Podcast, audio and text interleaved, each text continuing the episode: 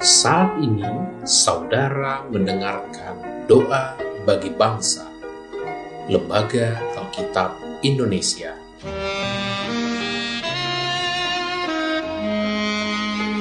Doakan, wartakan, donasikan melalui linktr.ee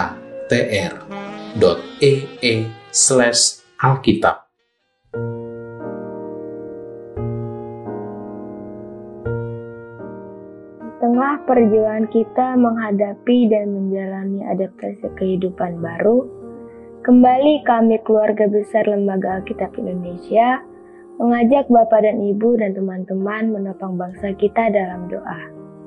Firman Tuhan diambil dari Mazmur 36 ayat 8. Betapa besarnya kasih setiamu ya Allah, anak-anak manusia berlindung dalam naungan sayapmu. Mari kita bersatu dalam doa. Ya Tuhan, terima kasih karena pada hari ini Engkau telah memberi anugerah kepada kami. Tuhan, sekarang kami mohon berkat-Mu untuk orang-orang yang terkena virus corona. Kiranya Engkau sembuhkan mereka ya Tuhan. Kami juga mohon untuk para pemimpin negara kami agar dapat memimpin masyarakat ini.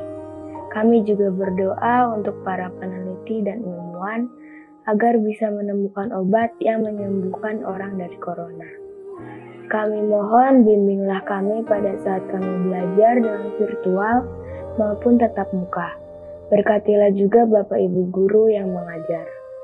Kiranya Engkau juga memberkati dokter-dokter, perawat, dan pegawai-pegawai lainnya yang bekerja pada masa pandemi.